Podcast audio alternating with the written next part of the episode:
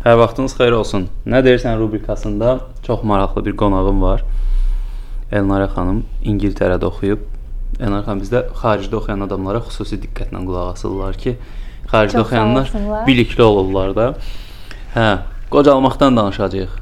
Keçən dəfə paylaşmışdım bizim o e, teaseri, daha doğrusu posteri ki, bəs belə bir şey olacaq. Hamı soruşurdu ki, nə mövzu nədir, necə yəni, necə qocala bilmərik və s. və s. kimi məsələlər. Elə bu podkastda da Elnara xanımla bu haqqda müzakirə eləyəcəyik.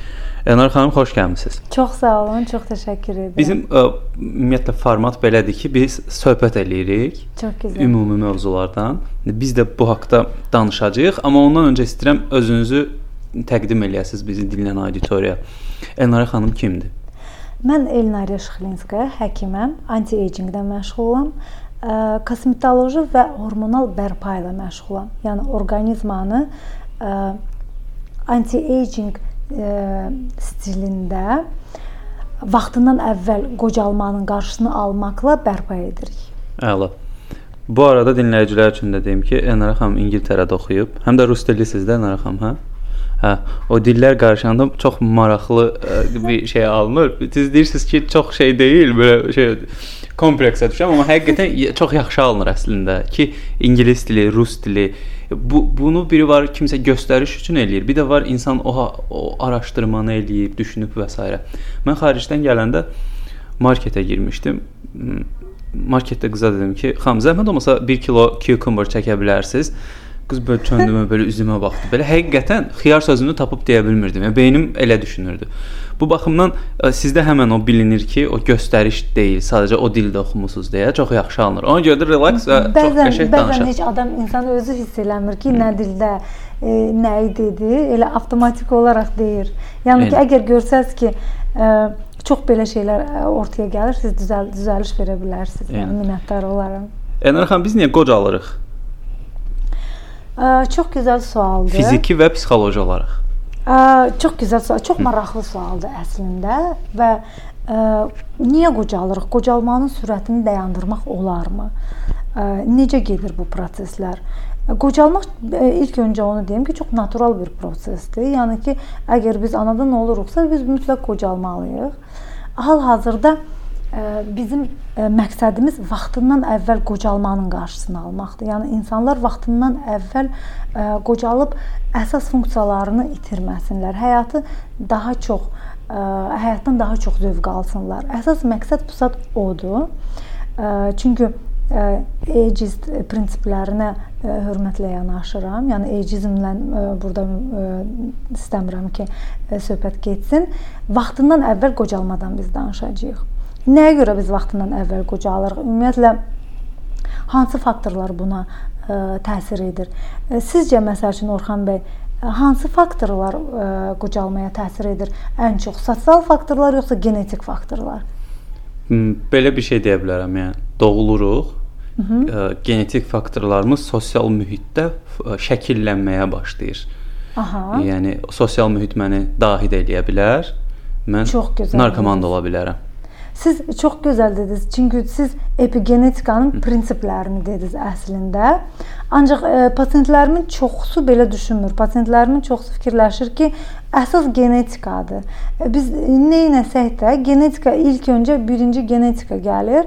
Genetikaya qalib gəlmək mümkün deyil. Siz çox gözəl dediniz. Çünki e, biz necə yaşayırıqsa həyat tərzimiz bizim genlərimizə gen, hansı genlərimizin aktivləşməsi və hansı genlərimizin passivləşməsinə çox təsir edir.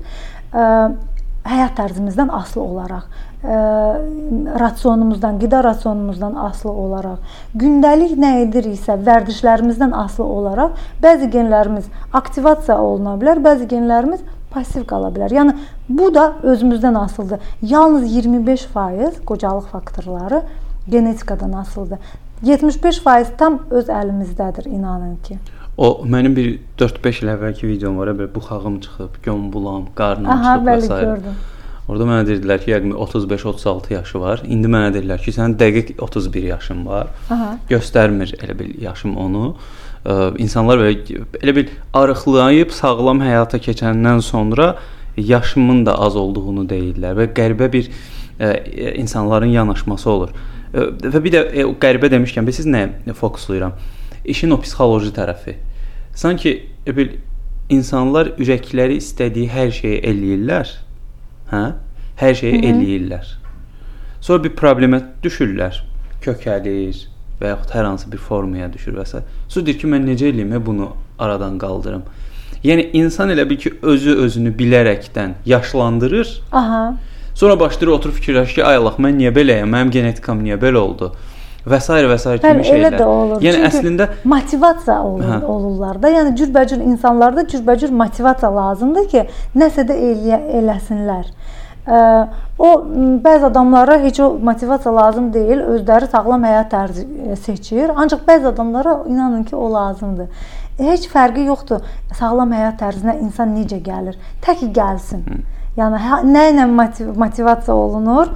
Heç bir mənası yoxdur. Tək ki gəlsin, tək ki sağlam həyat tərzi sürməyə başlasın və bütün özünü necə hiss eləyir, hər şey dəyişsin. Bu çox vacib bir faktordur ə, vaxtından əvvəl qocalmaq üçün. Eynən. Bir də burada bu ə, işin o sosial tərəfində mental qəliblər də, mentalitet dediyimiz şey də önəmli rol oynayır. O çox böyük rol oynayır. O hərbi xidmətdə bizə dedilər ki, hərbinin yeməkləri normal deyil. Mən hərbiyə gedəndə orada verirdilər boş, mərci supu, dolma da verirdilər, mal əti də var idi. Daha sonra Əlbəttə orada rasiyon hesablanır, bəli. Hə, hamısı rasiyonla və acmırdın. Yəni Əlbəttə. çox da yaxşı olurdu. Mən orada başa düşdüm ki, insanlar özlərindən uydururlar ki, yəni ə, hər gün ət yeməsəm öləcəm və yaxud hər gün yağ yeməsəm, hər gündən filan şey yeməsəm öləcəm. Elə deyil. Onda hərbinin rasionu olmazdı da. Çünki oradakı o rasionlar, o porsiyalar insanları həyatda saxlamaq və sağlam eləmək üçün nəzərdə tutulur da. Əslində hərbidəki yeməklər insanı sağlam eləyirmiş. E, çünki elə mən də qidalananda oradakı yeməklərdən istifadə edirəm. Rasion həmişə insanı daha sağlam eləyir. Hipokrat necə deyib ki, gərək ə, ə, qida dərman olsun, dərman qida olsun yəni bu dərəcədə qida çox vacibdir. Bəs, Ümumiyyətlə o qida demişkən belə bir sual yaranır beynimdə. Nə yeyək ki, qocalmayaq? və yaxud nə yeyirik ki, biz tez qocalırıq? Və bu qidanın çox işin hansı sualdır. tərəfindədir? Çox maraqlı sualdır. İnanın ki, ən çox qocalığa gətirib çıxaran qidalardan mən bu saat sizə danışacağam. Bu arada üzr istəyirəm. Yanınıza gələn pasientlər deyir ki, doktor elə bir şey eləyin ki, yeyim amma kökəlməyim. Əlbəttə cürbəcür yəni zaproslar gəlir pasientlər tərəfindən. Ə, əslində belə bir şey olmur. Yeyim amma kökəlməyim. Yəni kim onu sizə desə də yeyən adam kökəlir. O heç. Ancaq siz dediniz ki, ən yəni zərər verən qida hansıdır? E, karbohidratlar ən çox bizi qocalmaya səbəb olan, qocalmamıza səbəb olan e, qida növlərindən biri karbohidratlardır. Tez sorulan karbohidratlardan söhbət gedir. Yəni un məmulatları, şirin şəkər, e, şeylər, e, konditer, hə, şey qənnadı, qənnadı məmulatlar nə ki tez sorulur və qlukozanın səviyyəsini qanda qaldırır, ən çox inflammationa iltihaba gətirib çıxaran və domino effekti olaraq bütün hormonal sistemimizdən tutmuş başqa bütün ə, e, funksional sistemimizi zərbə vuran şey e, qida növü karbohidratlardır. Yəni əgər Doktor, siz mənə bir dənə sual versəz ki, nə yeməyək ki, qocal e, gec qocalaq və yaxud da vaxtından əvvəl qocalmayaq, bir dənə sözlə cavab verə bilərəm. Tez sovurulan karbohidratları rasionunuzdan çıxardın. Yəni ki, qabaqca deyirdilər ki, ət insanı qocalır. Ət, xeyr, protein ə, e, mütləq rasionda olmalıdır. Protein mütləq rasionda olmalıdır. Çünki ə, əvəz olunmayan amin turşuları var, onu orqanizm almalıdır. Ə, ancaq karbohidratlar əvəz olunmayan deyil. Karbohidratları əgər ə, bizdə çatışmamazlıq olarsa, qaraciyər özü çox gözəl ə, sintez edə bilir gec sorulan karbohidratlardan istifadə etmək olar. Lugumlardır, qreçkadır, o rye bread nədir? Şey, düyü? Yox, yox, düyü əksinə mərci, düyü, mərci. düyü tez sorulan karbohidratdır. Düyüdür, kartoşkadır, un məmulatlarıdır. Undan nə hazırlanırsa, yəni rafinə olunmuş undan söhbət gedir. Ağ çörəkdir, bütün Kəpək ola bilər? Kəpək, kəpək çox yox. yaxşıdır əslində. Şey, qara çörək. Qara çörək, yəni kraskalanmış qara çörək yox, o rjanoy ə, Covdar. Çov- Covdar. hə, çovdar unu, Covdar hə. çörəyi çox yaxşıdır. Bəli. Covdar çörəyi yəni ki, o da lap çox miqdarda yox da, normal miqdarda covdar çörəyi yaxşı şeydir. Ancaq tez sorulan karbohidratlar, bilmirəm bu McDonald's-dan tutmuş, şirin içkilərdən tutmuş, ağ bulkular, bunların hamısı həddindən artıq tez, vaxtından əvvəl qocalmaya gətirib çıxaran faktorlardır. Məsəl üçün mən bilirsiniz ki, kosmetologiya ilə də məşğul oluram. Qeyd etdiyim kimi kosmetoloji və ə, ə, hormonal bərpa ilə məşğul oluram. Kosmetologiyaya ə, gələndə insanlar dərilərinə baxarkən mən dərhal bilirəm ki, ratsionda əsas nə yeyilir, nədən istifadə olunur. Karbohidratdan çox istifadə olunan dəri tam başqa olur. Ha, həmin o bilinir də, hə? Çox bilinir. Mənim Elastiklik dərim- itir. Dərimdə nə bilinir məndə? Sizin dəriniz indi məsəl üçün sizin dərinizi ə, analiz eləməmiş belə baxanda əgər ə, istəsəz deyərəm ki, parlaqlığı qaynə eləyir, ə, normal sağlam təmizliyi qaynə eləyir. Elastikliyi çox yaxşıdır. Rəngi qeyri-bərabər deyil, rəngi çox yaxşıdır. Yəni işığın hətta reflekt olunmağı burada çox böyük rol oynayır. O da çox normaldır. Kuperoz yoxdur o deməkdir ki, sudan da istifadə edirsiniz. Yəni Hı -hı. qanınız durudur, normaldır, laxta çox laxta deyil. Cürbəcür faktorları nəzərə almaq olar. Karbohidratdan çox istifadə edən məsəl üçün xanımlar olur ki, uzun müddət bunla müddət bunlarda metabolik sindrom olub, e, insulin rezistentliyi olub. İnan onların dərisi çox fərqlənir. E, yəni e, qalxanda ə, qlükozanın səviyyəsi qanda. Qlükoza o qədər çox olur ki, başlayır bütün başqa zülallarla birləşməyə. Və Ha. ən çox birləşdiyi zülal bizim kollagenimizdir. Kollagenə 2 molekul qlükoza, 1 molekul qlükoza 2 molekul kollageni məhv edir. Məhv edir nə deməkdir? Birləşir və bu prosesin adına biz deyirik qlikasiya. Birləşir və o dəridə elə yığılır, səhv kollagen qalır. Həmin dəri elastikliyini itirir. Çox sərt olur üst təbəqə. Biri var ki, özü bərk elastik olsun, bir də var üst təbəqə o qədər sərtdir ki, hətta iynə ilə də zordan girirsən. Elə dərilər olur. Farfor effekti yaradır. Ə, Dərhal bilirəm. Analizsiz heç mənə lazım deyil elə xəstələri göndərim ki, ə, getsinlər analiz gətirsinlər. Həmin bilim- şəkər- bilinir. Mən bilinmə hətta analizi görsəm də inanmaram. Çünki dəridən mən bilirəm ki, bunlarda insulin rezistentlik var, bunlarda metabolik sindrom var, bunlarda şəkərin səviyyəsi daima yuxarıdır. Ona görə kosmetologiya həmişə götürəndə mən pasientləri mütləq həyat tərzini kontrol edirəm. Çünki Elnur xanım, indi bunu dediniz bir şey sual yarandı mənim beynimdə. Ola bilər ki, bu son dövrlər əməliyyatlar olur, hansı ki, çənəni uzadır adam Aha. və yaxud ə, çik bu hissə, yanaq Aha. hissəsi almacıq sümüyün altını belə istəyirsiniz. oradan piyə əridir, belə sərtləşdirir, üzü daha çox sərt eləyir. Sanki bir bad girl obrazı yaradanda gözəl görsənirmiş kimi bir görüntü olur. Aha. Məsələn şəxsən mən əks cins olaraq elə qadınlar görəndə ki, qadınların əksəriyyətində belə bir inanc var ki, onlar daha cəlbedici olurlar. Mənə cəlbedici gəlmir. Çünki üzünə baxıram ki, bu adam sağlam yaşamır. Sadəcə Hə. üzündə bu prosedurlar Bəli, o- olub. Yəni o dediyiniz o şeylər var ya, hansı ki, quruyur, farfur olur və s. və s. şeylər. Yəni hansı kosmetoloji proseduru eləsə də üzündə, hansı estetik dəyişiklik eləsə də, sağlam qidalanmırsa, yenə də o Əlbəttə, bərbatlıq çox hiss olunur. çox razıyam. Çox çünki o bir misal var deyir ki, üstü bəzək, altı təzək. Elə elədir hə Aha. misal. Ona oxşuyur. Çünki burada dərinin keyfiyyətindən söhbət getməlidir. Elə bir 07-ni alıb yəni, Ferrari dərinin çatmağa çalışırsınız. Dərinin keyfiyyəti də həyat tərzindən çox asılıdır. Hmm. Nə qədər kosmetoloji ə, ən bahalıdır hətta preparatları siz vura bilərsiniz. Heç bir mənası olmayacaq əgər həyat tərzi, ratsion, ə, vərdişlər burada korreksiya olunması mümkün deyil. Yəni Eynən. ilk öncə sağlamlıq olmalıdır. Sağlam dəri də həmişə gözəl dəridir. Yəni biz gözəllik deyəndə sağlamlığı nəzərdə tuturuq. Əla.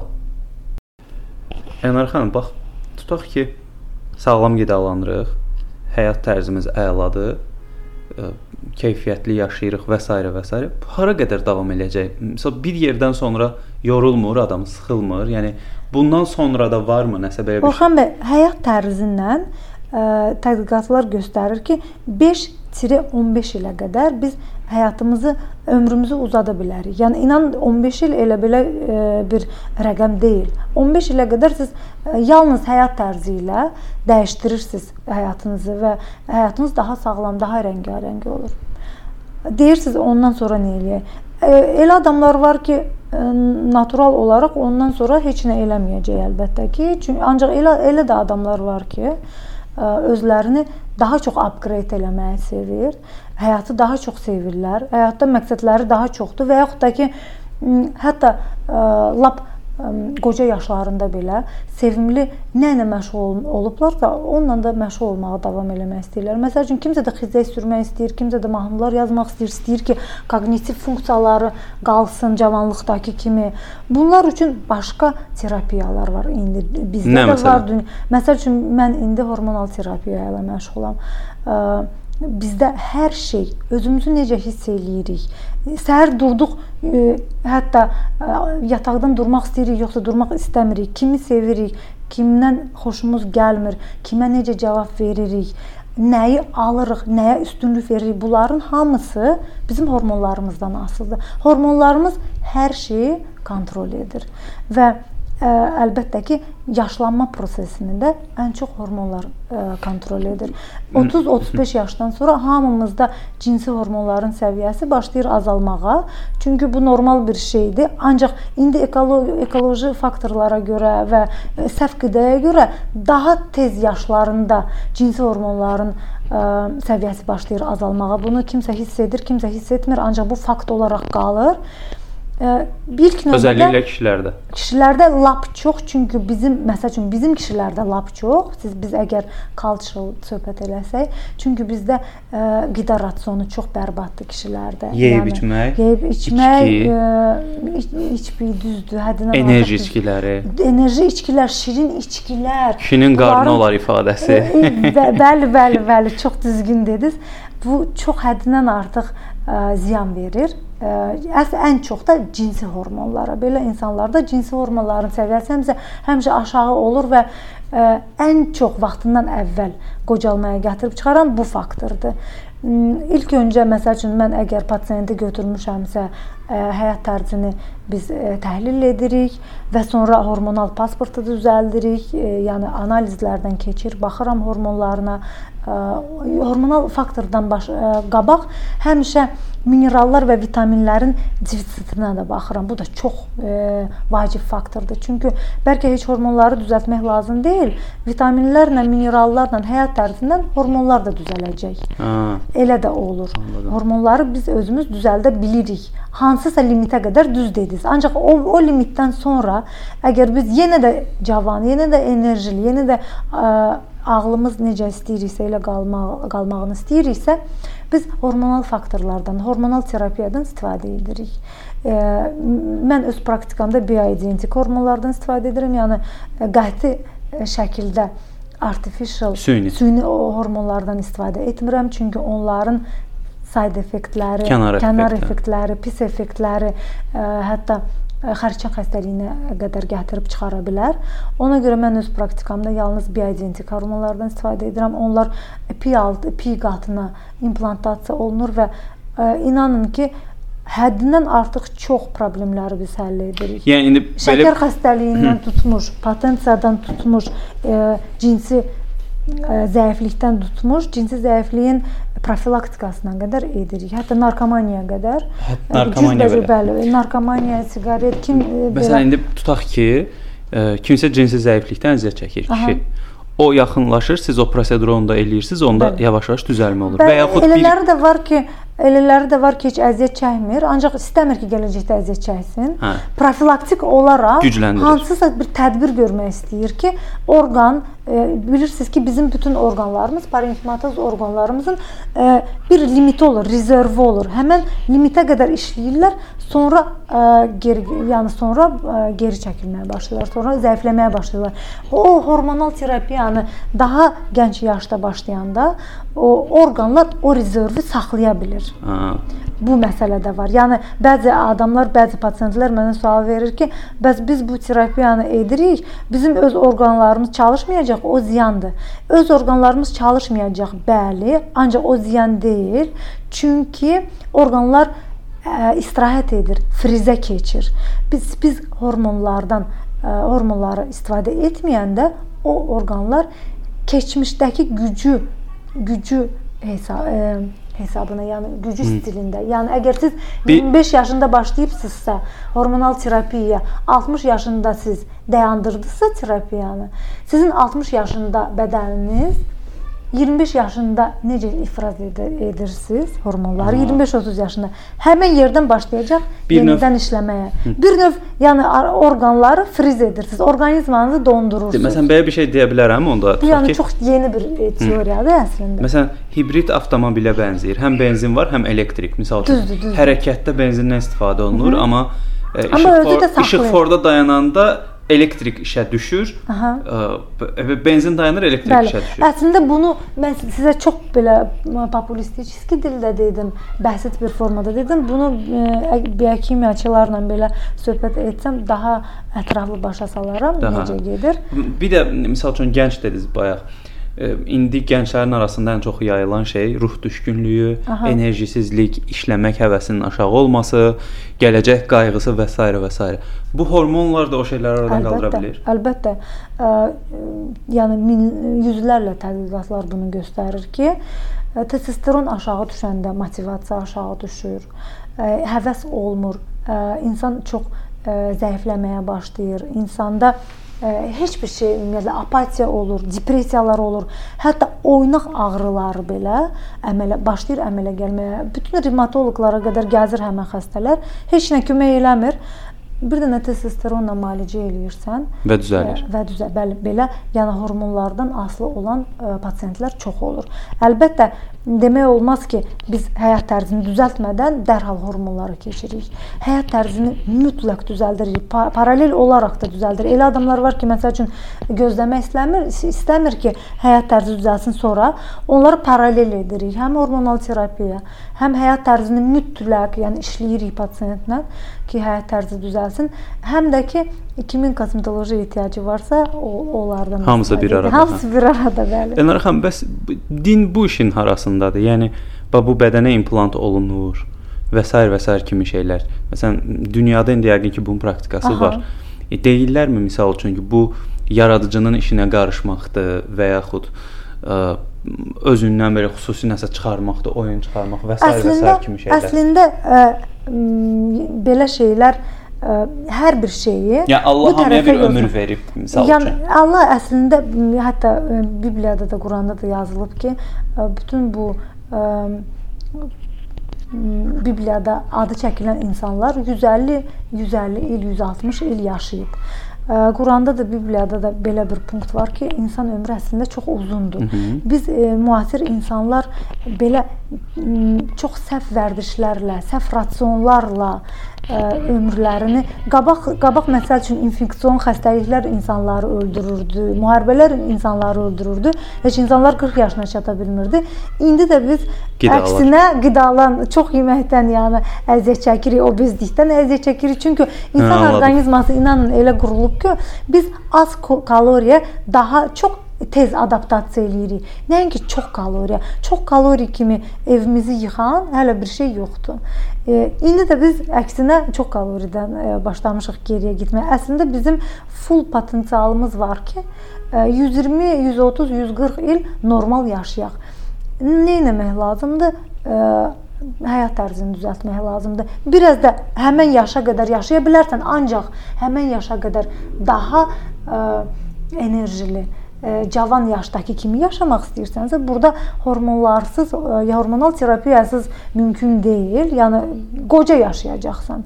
hormonal terapiyasız mümkün deyil. Əgər hormonal terapiyadan da o tərəfə keçmək istəyirsənsə, əgər yadınızdadırsa sizinlə Yuval Noah Harari'nin kitabını müzakirə etmişdik ilk dəfə görüşəndə Homo Deus orada necə deyir ki, insanlar gələcəkdə kiborqlaşacaqlar, başlayacaqlar daha çox yaşamağa, cürbəcür orqanlarını əvəz etməyə başlayacaqlar. Bəli, o artıq bizdə reallıqdır. Hormonal terapiyadan sonra da next step bizdə genetik ə, əməliyyatlardır. Onu düzdür biz eləmirik, mən eləmirəm, ancaq Amerikada çox ə, yəni onu normal eləyirlər. Çox bahalıdır, ona görə çox az adam edir. Ancaq ki eləyirlər. Hı. Laboratoriyalarda edirlər. Yəni DNK-nın bərpası ilə əlaqədar işlər aparılır indi. Əla. Bizdə hələlik hormonal hissəsi var. Super. Kişilər və qadınlar da müraciət edə bilərlər. Bəli, edirlər. Bizim kişilər, kişi pasiyentlərimiz də, qadın pasiyentlərimiz də olur. Hətta kişilərin sayı hormonal ə, bərpa üçün daha çoxdur. Super. Çünki ən çox biz bodybuilderlər ə, idman idmançılarla da işləyirik. Çünki onlar iskus artificial süni süni ə, testosterondan da istifa, çox istifadə edirlər. O bədənlərinə bilirlər ki, ziyan vururlar. Kim ki bədən bədənlərinə ziyan vurmaq istəmir, onlar bioidentik formada o hormonları almağa Ala çalışır, bilirlər. bəli. Belə. Elnara xanım, danışa bilmirəm deyə-deyə Azərbaycanca əməlbaşı danışırsınız. Yox, danışa bilmirəm demədim. Əslində ancaq ortada bəzi sözləri sizdən xahiş eləmişdim ki, yadıma salasınız. Çox sağ olun siz də. Qəşəng. Kömək elədiniz. Çox, çox sağ olun Elnara xanım. Çox sağ olun. Mənim üçün faydalı oldu. Yəni inanın ki, bu danışdığımız şeylərin hamısı o qədər geniş bir mövzulardır ki, hər birindən biz sizinlə podkast eləyə bilərik. Ayrı-ayrı o karbohidratlardan ayrı-ayrı, genetik qocalmadan ayrı-ayrı bir podkast, bilmirəm, hə-, həyat tərzindən ayrı bir podkast. Ancaq hamısını ümumi bir podkastda yığa bildik. Təşəkkür edirəm. Mən təşəkkür edirəm sizə. Çox sağ olun. Növbəti maraqlı podkastlarda görüşərik.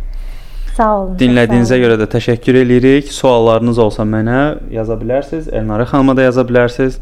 Elnara xanımın qəbuluna da gəlmək istəsəz, yenə də ona yaza bilərsiniz. Təşəkkür edirəm. Görüşərik.